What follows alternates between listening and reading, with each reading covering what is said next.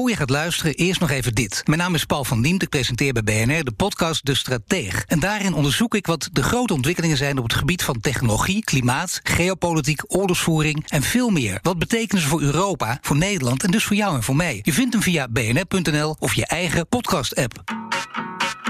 Dit is De Beste Stuurlui, de opiniepodcast van BNR. Voor wie dringend op zoek is naar een mening, hardop tegen programma's wil praten of alle kanten van de zaak wil horen. De beste stuurlui van deze week, Jules Paradijs. Wat je in ieder geval kunt vaststellen over de afgelopen tijd... is dat er echt wel een paar, paar uh, fouten zijn gemaakt. Geerten Waling. Nou, dan ben je toch wel echt als journalist ben je heel ver van het padje, hoor. En Bernard Hammelburg. Dus ik zou helemaal geen kabinet of regering willen met het Forum van Democratie. De column van Bernard. Dat de wereld nog een tijdje vastzit aan coronabeperkingen is ongetwijfeld waar. Maar om het nieuwe normaal en de anderhalve meter samenleving tot norm voor de toekomst te verheffen, lijkt me een illusie en ongewenst. Het heeft ook iets stichtelijks, alsof we worden afgerekend op ons wangedrag, zoals vliegen of het bezoeken van een bioscoop, museum, festival of restaurant. Of oma, terwijl het niet de schuld is van oma, maar van een virus. Neem de ondergrondse in Tokio, met stations waarin het spitsuur per half uur miljoen reizigers in- en uitstappen. Beroemd zijn de perronwachters die met witte handschoenen aan de passagiers in de wagons proppen. En dat terwijl Japanners elkaar in de openbare ruimte zo min mogelijk aanraken en geen handen schudden. Die propvolle metro is echt binnen de kortste keren terug.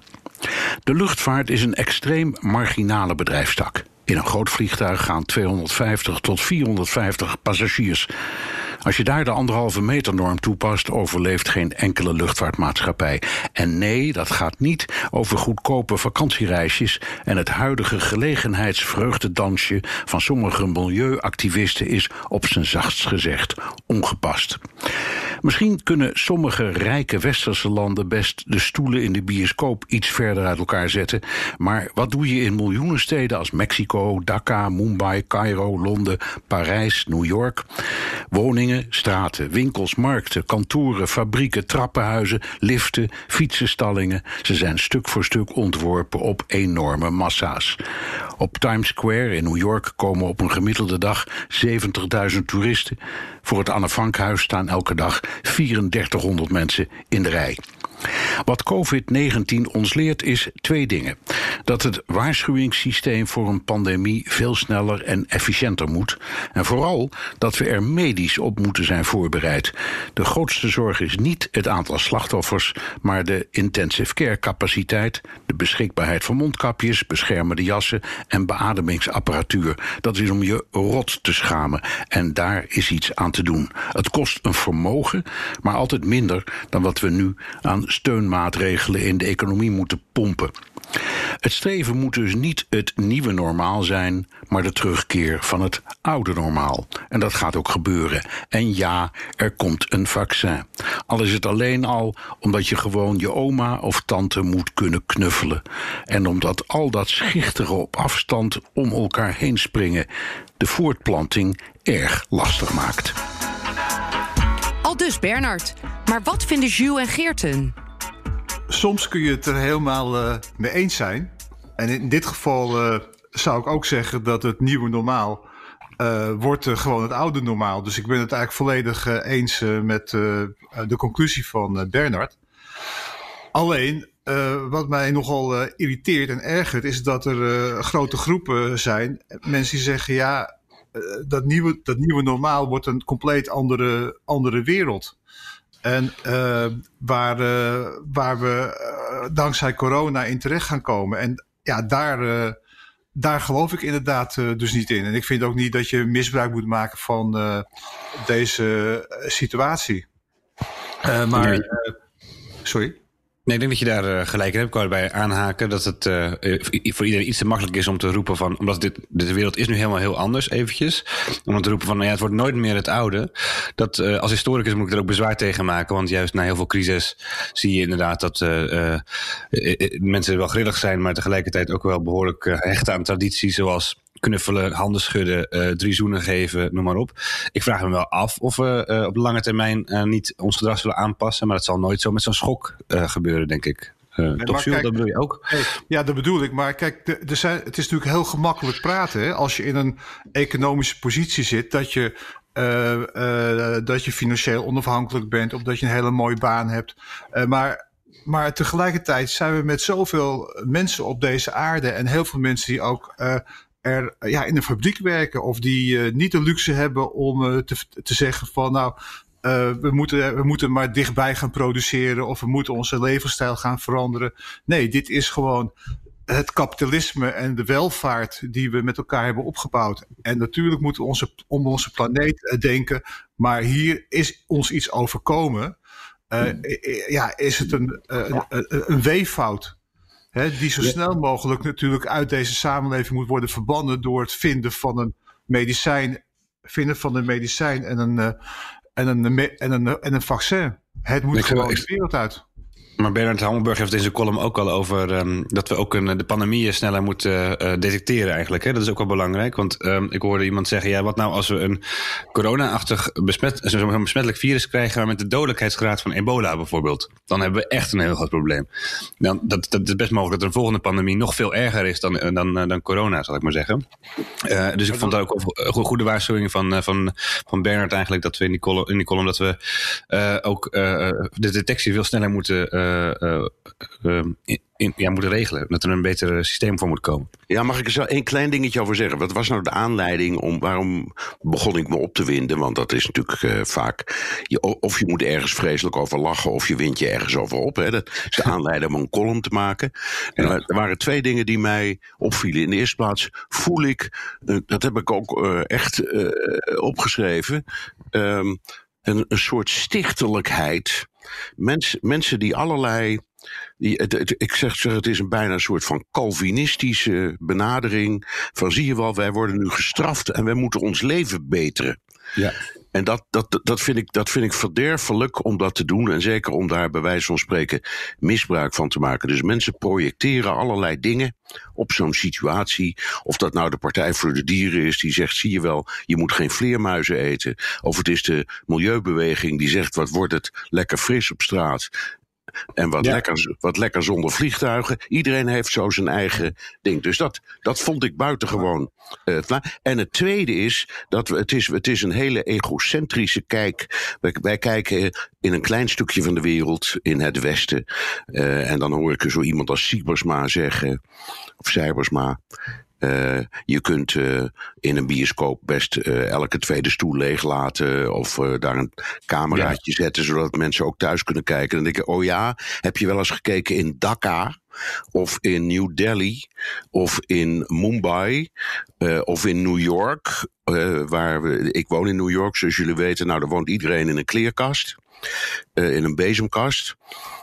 als je in, in, in dat soort gebieden midden in je kamer gaat staan en je steekt allebei je armen uit, dan, haal je, dan, dan raak je de beide muren. En dan zit je al binnen die norm ongeveer van 1,50 of 1,80 zoals in Amerika is. Dus waar praten we over? Dat kan helemaal niet. Dus ik heb ook een voorbeeldje gegeven van de metro in, in Tokio. Gewoon op een, op een spitsuur. Waar mensen staan met witte handschoentjes om de menigte daarin te persen. Nou, dat, dat gaat echt niet veranderen, jongens wat ik er, uh, dat is waar. Maar wat ik lastig vind, ook in, in alles wat je via de media tot je krijgt hierover, is dat, dat mensen of dat partijen en dat of virologen of politici elkaar verwijten gaan maken. Of dat er een schuldvraag wordt gezocht voor die pandemie, voor corona. En, en dat vind ik vrij, vrij irritant. Want ja, de, de vraag of, is of er iemand schuld aan heeft. En dan snap ik ook wel dat journalisten, uh, dat dat ook de rol is om uh, uh, te toetsen of, of bestuurders hun werk goed doen. Maar, maar ja, ik, ik, ik heb daar toch moeite mee. ook als ik steeds dezelfde virologen op tv zie. De redacties zijn wat dat betreft niet heel erg vindingrijk. Hè? Want je, je, meneer Oosterhuis die je dus uh, uh, ongeveer elke dag uh, kritiek hoort, hoort spuien. vraag me ook af of dat, of, of dat wel creatief genoeg is. Maar de, de, Bedoel, bedoel je dan dat, uh, want uh, Bernard erover heeft, is vooral hoe de samenleving reageert. En uh, ik heb het idee dat er echt twee heel verschillende discussies zijn. Zeg maar de virologische oplossing, zal ik maar even zeggen, voor het virus.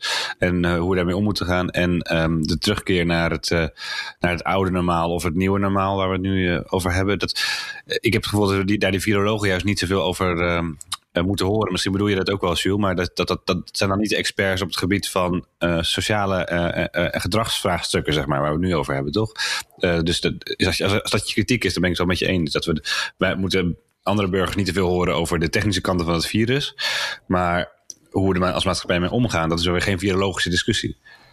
Nee, maar kijk, wat je merkt, en dat merk ik trouwens zelf ook in uh, die, uh, in die uh, laatste vijf weken, is dat je toch, je, je geeft je over en je beweegt mee met wat de deskundigen vinden. Ook als het gaat om de duur van de, de lockdown of de maatregelen. Ik, ik vind, moet ook, je moet ook vertrouwen hebben in dat, in ieder geval in Nederland, uh, dat de politici en de bestuurders het uh, goed doen en het, het goede willen. Hè, maar ik word toch wel af en toe van mijn stuk gebracht op het moment dat er, uh, ja, wat je nu ziet bijvoorbeeld met de mondkapjes. als je ziet met hoe verpleeghuizen omgaan met de problemen, hè, met alle gevolgen van dien, dat personeel gevaar heeft gelopen. Het is terecht dat, dat, dat journalisten uh, die, die punten op tafel uh, leggen. Hè, maar tegelijkertijd is het, vind ik het heel lastig om, om uh, het vertrouwen te verliezen. En ik denk dat veel mensen dat ook zo voelen. Om het vertrouwen te verliezen in de bestuurders die ons nu door deze crisis moeten loodsen. Ja, wat mij dus vooral ergert is um, dat, een, een, een, dat dit is een enorme sensatie wat er gebeurt. Eh, de neiging bij heel veel journalisten om sensatie sensationeler te maken. En dat, we hebben allemaal geleerd dat dat niet hoort. Um, en dus krijg je uh, dat in elk praatprogramma en in elke krant iedereen die het woord virus maar kan spellen die wordt dan uitgenodigd als expert. En die gaan dan allemaal uh, uh, dingen vertellen. Terwijl als je praat met mensen die er echt heel veel verstand van hebben, en die zijn er in de wereld wel, die geven toe dat ze het gewoon niet weten. We weten eigenlijk helemaal niks van het virus, nog steeds niet. En dan krijg je ook allemaal voorspellingen. Ja, maar hoe lang dan nog?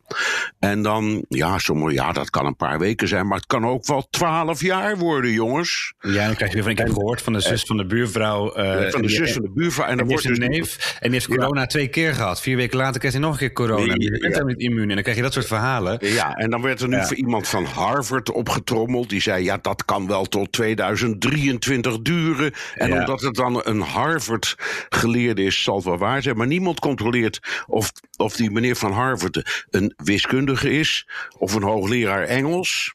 Of, of echt een viroloog. Dat, dat doet dus niemand. Of een conciërge. Ja. Of een conciërge. Dus we gaan er allemaal maar in mee. Ja. Um, en dat was ook een beetje het idee van mijn column. Daar heb ik van alles in gedaan. Maar geen data genoemd. Geen getallen genoemd. Geen voorspellingen genoemd. Ik zou zeggen, jongens, daar moeten we allemaal mee stoppen. We moeten ophouden met steeds zeggen: oh ja, en hoe lang dan nog? Um, want ja, dat... ik vind wel dat je een discussie moet kunnen voeren of het beleid wel goed is. Want uh, laten we vooral niet klakkeloos meegaan in uh, zeg maar dat, dat onze leiders, onze bestuurders, ons kabinet uh, altijd alleen maar het, het, beste doet. Ik vind dat je er best een discussie over kunt voeren. Ik vond dat wat George Kelder aansneed, onder andere van ja, de schade die we nu economisch oplopen, staat die wel in verhouding tot de gezondheidsschade die je voorkomt door dit beleid. Dat is best een discussie die je mag voeren, toch? Neem ik aan. Ja, maar dat werd ja, en als je, heel... ja, zeker als je dan de, de, de, de, de hoofdviroloog in Nederland eerst hoort praten over griepsimmunisatie. Ja. En dan een paar weken later zegt dat hij niet zeker weet of mensen die het hebben gehad immuun zijn. Ja, dus ja, ja, daar mogen wij best even wat van vinden. Ja, kijk, wat je in ieder geval kunt vaststellen over de afgelopen tijd is dat er een paar echt wel een paar, paar uh, uh, fouten zijn gemaakt. Maar de vraag is even of je dat op dit moment moet uitspreken. Of dat je uh, op een later moment dat nog eens gaat vaststellen. Hè, bijvoorbeeld wat er in die verzorgingstehuizen is gebeurd de afgelopen tijd. Daar stonden de kranten deze week natuurlijk ook vol van. Want het wordt nu steeds duidelijker dat het personeel onbeschermd is. Dat de mondkapjes niet, niet, niet zijn, zijn geweest. De schrijnende gevallen over het van familie. Ja, het, het, het, het wordt allemaal duidelijk. Maar ja, ik zou zeggen, hou het rustig in die samenleving. Want het moet er eerst hieruit zien te komen. En ook met wat Jort Kelder heeft gedaan, het, het vuurtje aanstoken. Als je weet, 500.000, 600.000 ondernemers die, in, die, die natuurlijk morgen weer willen beginnen, maar dat kan nou eenmaal niet. Weet je wel? Dus, dus je moet ook heel erg oppassen dat je niet uh, de zaak uh, onnodig opjaagt. Nou ja, het kan wel. Eh, volgens mij, dus in heel veel branches kun je best, onder omstandigheden, kun je best weer eh, op een bepaalde manier open. Of uh, mondjesmaat, uh, zelfs binnen de anderhalve regel uh, samenleving, anderhalve meter samenleving, kun je best weer werken. En volgens mij is het ook een kwestie van hoe, hoe Um, bijvoorbeeld hoeveel testen laat je doen en hoe zeker hoe, kun je het virus nog enigszins uh, in beeld houden waar het zich bevindt en zo. In de noordelijke provincies speelt het veel minder. In Drenthe is er geloof ik nauwelijks sprake van uh, corona. En al die mensen daar zitten ook gewoon thuis. Ja, dat is wel logisch vanwege het risico. Alleen uh, er zijn altijd er zijn verschillende knoppen waar je aan kunt draaien als kabinet. En, en ik vond dat Mark Rutte in zijn eerste die, die speech die hij hield vanuit het uh, torentje, dat hij daar eigenlijk heel goed um, uh, zijn beleid, zijn afwegingen gaf. Dat deed hij later in een persconferentie ook nog wel. Maar het is ook best wel dubbel gecommuniceerd soms. En ook het RIVM, um, laten we zeggen, heeft genoten van voortschrijdend inzicht. aangezien ze twee maanden geleden nog uitgebreid twitterden dat wij ons geen zorgen hoeven te maken voor, voor het coronavirus. Um, dat, was een, dat, dat, zijn ook wel experts en, die zijn, en dan moet je zeker vertrouwen. Maar um, ik denk dat we juist blij mogen zijn dat we in een mondige, open democratie leven. waarin iedereen toch ook zijn eigen mening kan hebben. En dan is het soms vervelend. Dan komen er ook complotverhalen, dan komen er ook onzinverhalen. Maar ja, dan moet je dat maar weer uh, in het publieke debat, zeg maar, weer daar het licht op schijnen.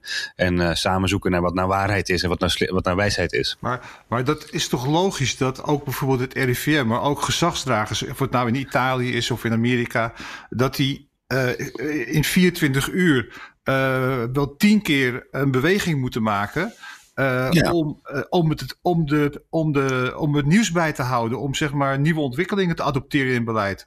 Het is toch logisch, je kunt nu niet zeggen van... oh, twee maanden geleden heeft het RIVM een geweldige fout gemaakt... want ze hebben dat gezegd nee, maar ik zeg alleen dat ze, niet, ze hebben ook niet de wijsheid in pacht. Alleen ze zijn wel uh, uh, een aangewezen instituut om, uh, om wijsheid te verzamelen en om zinnige dingen te zeggen. Alleen ze, ze hebben ook enorm. En op, op dit moment hebben ze waarschijnlijk ook geen beeld van hoe het over twee of drie maanden uit zal zien. Nee, maar het, het wat belangrijk vind ik, eh, ik ben, ik ben het helemaal met jullie eens wat dat betreft.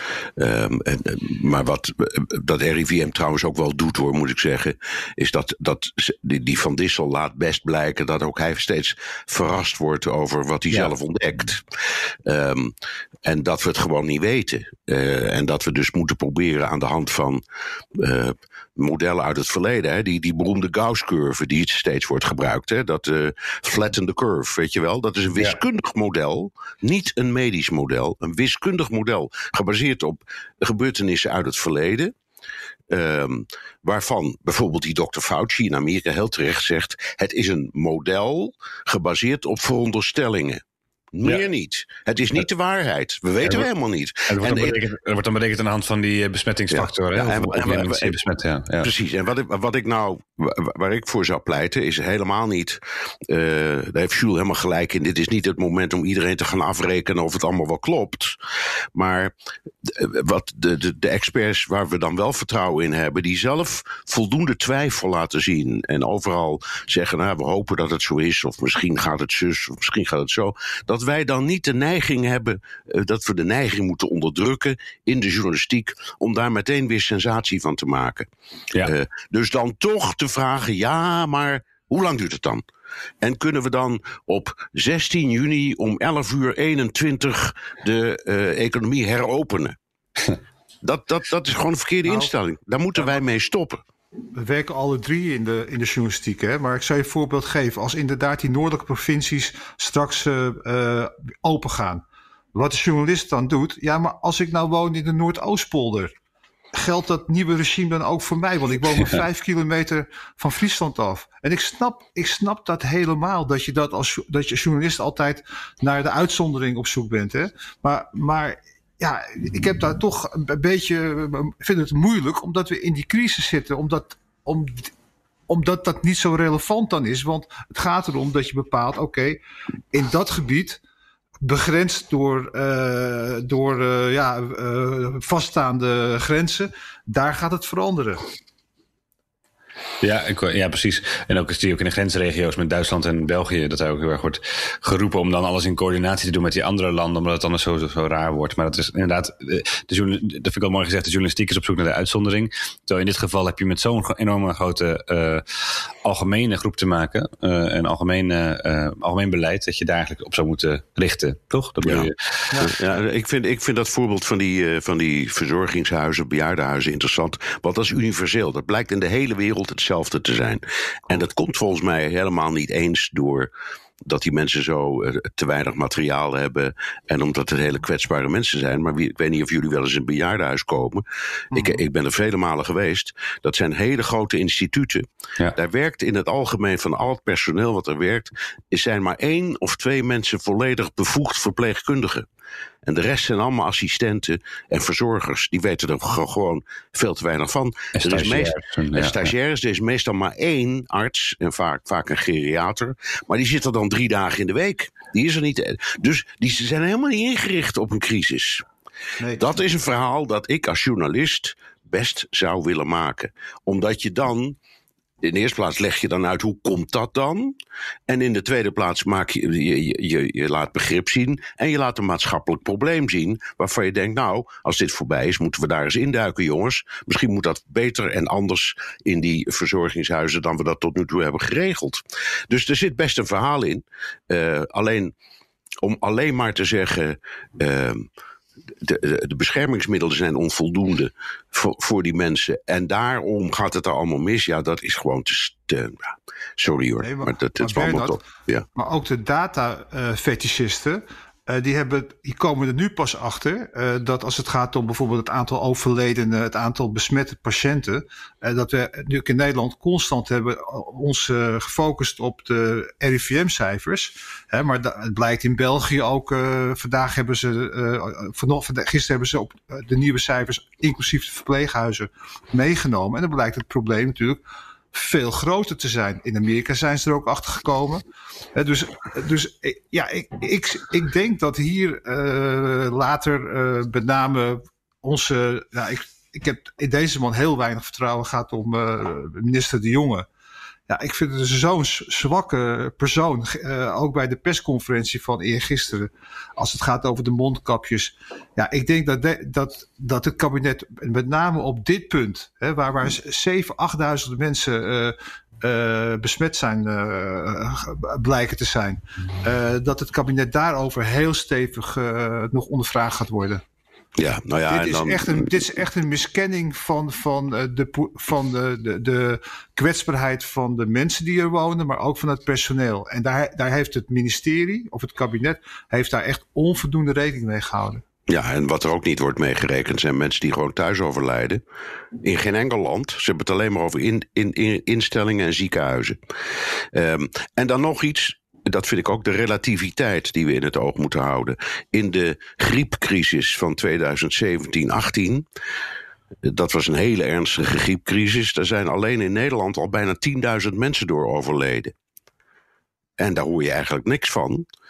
Uh, toen hebben we helemaal niet uh, een lockdown gedaan. En toen hebben we helemaal geen anderhalve meter samenleving ingevoerd. Terwijl er op dat moment misschien ook alle aanleiding voor was. Dus je moet het ook een beetje in perspectief blijven zien. Twee, uh, twee, of, twee aan aanvullingen daarop eigenlijk. De eerste is dat die, die het, het, het, aantal overledenen wordt nu wel door huisartsen ook ingevuld. Maar dat is dan vaak ook op vermoedens. Dus dat vertroebelt de statistiek toch ook wel weer. Maar dat zijn dus er worden nu meer, in Nederland in ieder geval meer overledenen, ook van buiten de uh, zorginstellingen, geregistreerd. En um, het andere was dat uh, volgens mij heeft dit griepvirus is inderdaad heel dodelijk geweest. Alleen dat waren, daar waren, daarbij waren ook veel meer mensen besmet. Dus ik snap wel dat uh, dat wil je natuurlijk voorkomen. Want op het moment dat hetzelfde aantal mensen besmet zou zijn met het griepvirus als toen, dan zou je dus veel meer doden hebben dan, dan die 10.000 met corona. Dat is gewoon echt dodelijker dan, dan griep, zoals het er nu naar uitziet. Maar ik ben ook geen viroloog, dus ik moet hier eigen mond over houden. Maar dit lees ik dan weer in de, in de kranten.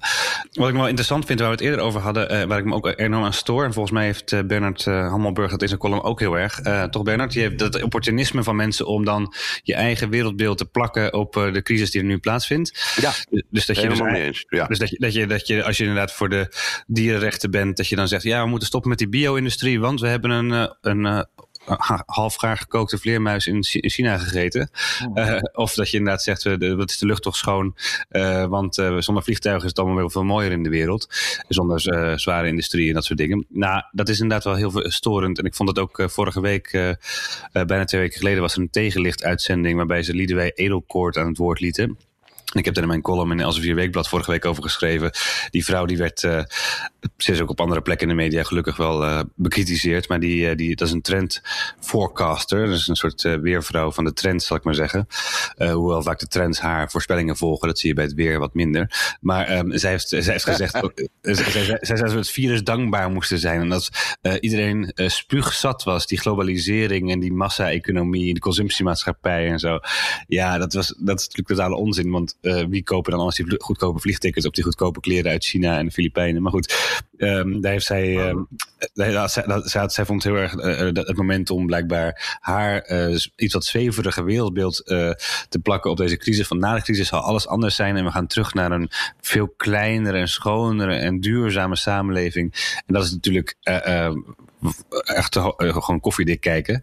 Um, en ik, ik, heb het gevoel dat dat voor door veel meer mensen gedaan wordt. Uh, aan alle kanten overigens. Dat um, de eigen, het eigen wereldbeeld, dat mensen dat, die, dat heel erg bevestigd zien in de crisis. Van zie je wel, dit, dit is de aarde die ons iets wil vertellen. Of de economie werkt niet zo. Of we moeten een basisinkomen invoeren. Zoals Rutger Bregman dan meteen weer roept. Um, die het ook nooit zelf bedacht heeft overigens. Maar dat is standaard bij hem. Maar dat zijn allemaal van die ideologen die dan opeens een, ja, opportunistisch worden. En daar had ik uh, grote moeite mee, maar ik begrijp dat jij dat ook uh, hebt. En is, ik ook. Jules, dat, oh, Jules ook. Oh, dat, dan zijn we daar ja, eens, ja, over. Ik heb, ik heb het filmpje, filmpje gezien van haar. Dat ze notabene in Zuid-Afrika. Nou, dat kan gebeuren.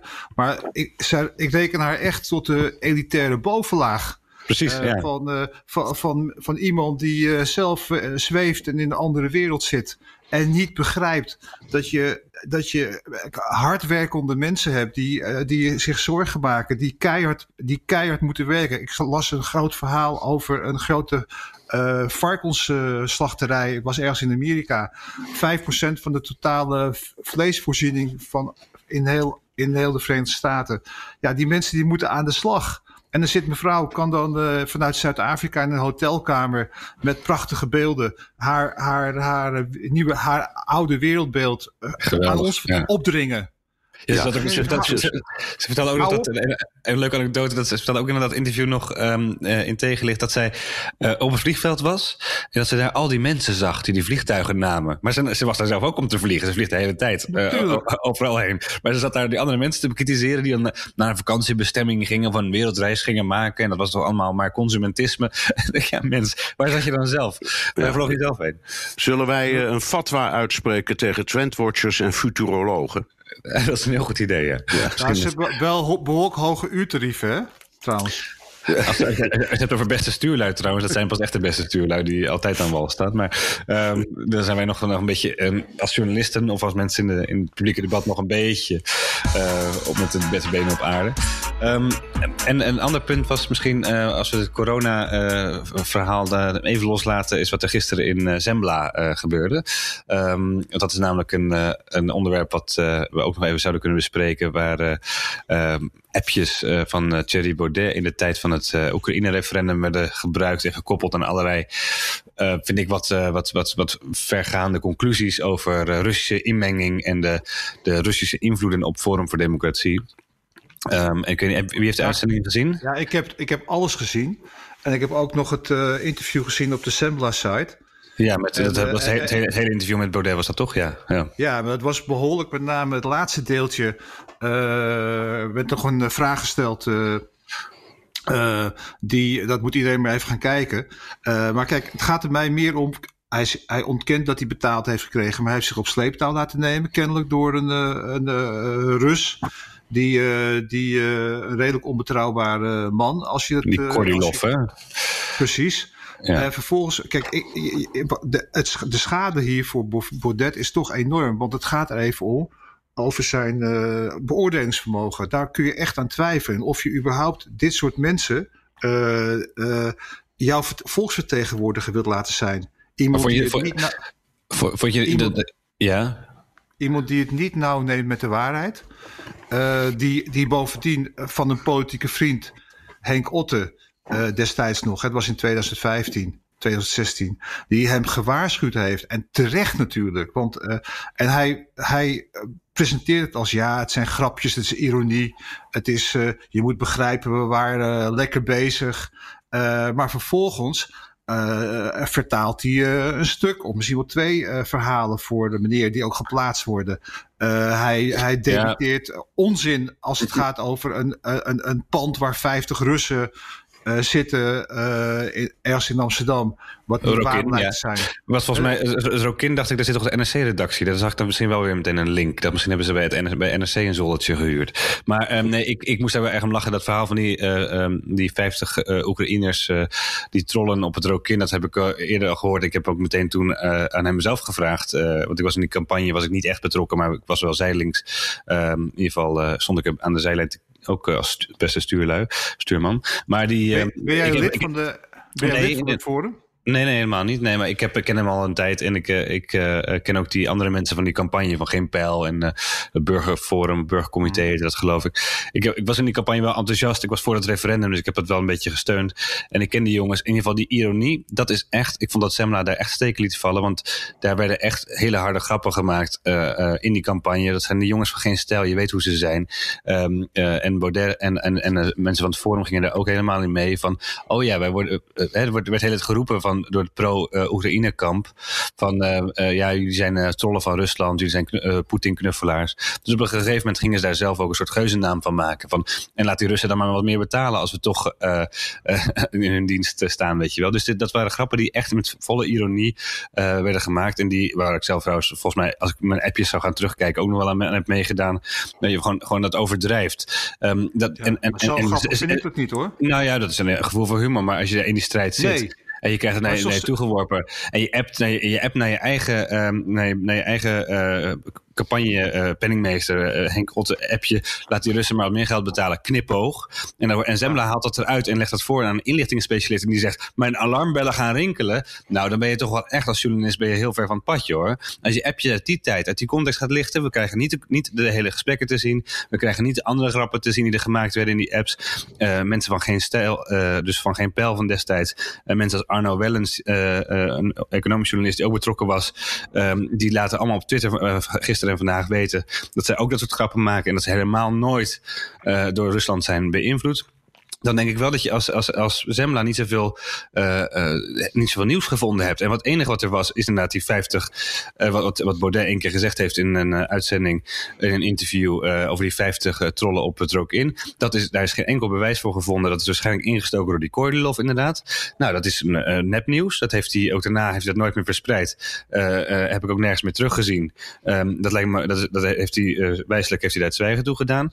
Je zou best kunnen zeggen dat hij zich um, Hè, dat hij zich heeft laten uh, charmeren of dat hij uh, gecharmeerd was van die man of van het Russisch standpunt. Ze waren sowieso al tegen dat associatieverdrag. Dat was, dat was toevallig het standpunt van het Kremlin ook. Dus dan zie je dat daar uh, enige overlap is. Maar van betaling, van, van beïnvloeding, van, van chantage of iets dergelijks van de Russische zijde is geen enkele, is er geen enkel bewijs voor te vinden. Nee, ik heb, even, een, klein, ik heb een klein, klein journalistiek vraagje. Was dit ook een afrekening van Otte? Ja, absoluut. Ja, natuurlijk. Ja, natuurlijk.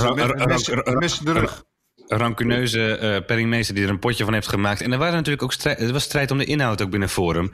Uh, tussen Otte en Baudet. Absoluut. Dat was er toen ook al uh, in die tijden van het, van het referendum. En Baudet is onvoorzichtig. Hè? Die heeft, dat ook, heeft zich ook met, met veel plezier heeft hij zich ook in, die, in, dat, in, die kamp, in dat kamp van die Kordelov laten praten.